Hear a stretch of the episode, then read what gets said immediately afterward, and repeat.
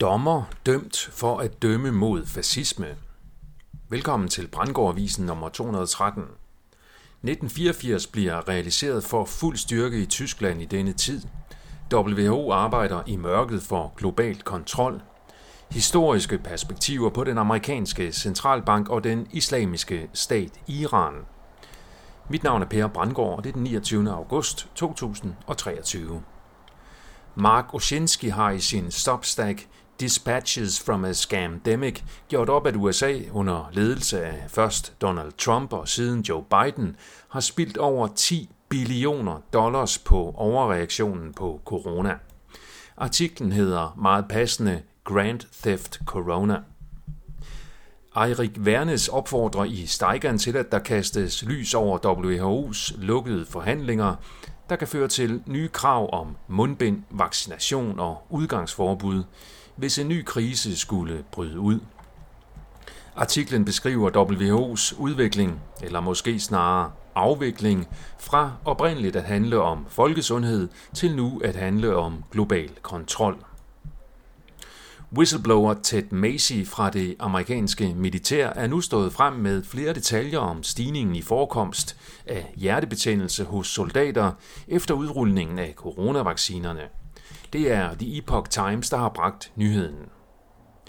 Den konservative rådmand Anthony Stevens fra Wellingborough i England er ifølge Reclaim the Net blevet arresteret for hadkriminalitet, i det Stevens var involveret i delingen af en video, der var kritisk over for politiets konfrontation med en kristen gadeprædikant. Samme medie afslører, at det førende hovedstrømsmedie The Washington Post anbefaler reduktion i ytringsfrihed for at forbedre demokratiet, hvilket jo må siges at være en modsigelse.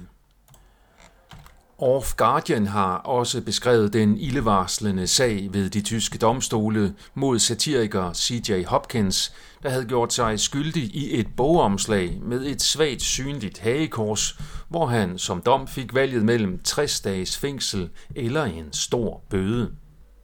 En anden tysk domstol har idømt en tidligere dommer to års fængsel for i en tidligere retssag at have dømt, at mundbindskrav i skoler er i modstrid med den tyske forfatning. Off Guardian-artiklen har meget passende overskriften German courts are going full dystopia. For dem med historisk interesse har The Uns Review bragt en artikel, der beskriver, hvordan jødiske bankdynastier fik magten over USA i 1913 ved dannelsen af USA's centralbank Federal Reserve System. Artiklen argumenterer for, at mindst seks ud af de otte familier, der kontrollerer den amerikanske centralbank, er jødiske. Goldman Sachs, Lehmans, Kuhn Løb, Rothschilds, Warburgs og Israel Moses Chefs. Artiklen påstår, at også Saud-familien af Saudi-Arabien har jødisk oprindelse, da de stammer fra Sabbatai Sevi og Jakob Frank, der blev tvunget til at konvertere til islam, da ordentlige jøder ville af med den falske Moshiach. Artiklen beskriver også, ligesom den amerikanske antropolog Robert Sepper har gjort, at det stiftende møde i dannelsen af den amerikanske centralbank på Jekyll Island i 1913 havde overtroiske sataniske aspekter hos de involverede parter, hvilket underbygger teorien om, at jødedom i nogle tilfælde er kamuflage for satanisme. Året forinden i 1912 havde Titanic forlist med de eneste magtfulde kritikere af den jødiske kontrol af den nye amerikanske centralbank ombord. Det var en meget belejlig ulykke for etableringen af fundamentet for den jødiske magt i form af kontrollen over den amerikanske økonomi og ved forlængelse hele verdens økonomi. Ligeledes for de historisk interesserede, så har mediet Declassified UK bragt en artikel om det forenede MI6 CIA-kup mod den demokratisk valgte iranske regering i 1953. Artiklen beskriver, hvordan den britiske efterretningstjeneste arbejdede for at fremme de radikale shia-islamister, der gik forud for Ayatollah Khomeini. Formålet var at placere Khomeini som regeringsleder, kontrolleret af Storbritannien og USA, som boldværk mod de onde kommunister. Khomeini kom til magten i 1979.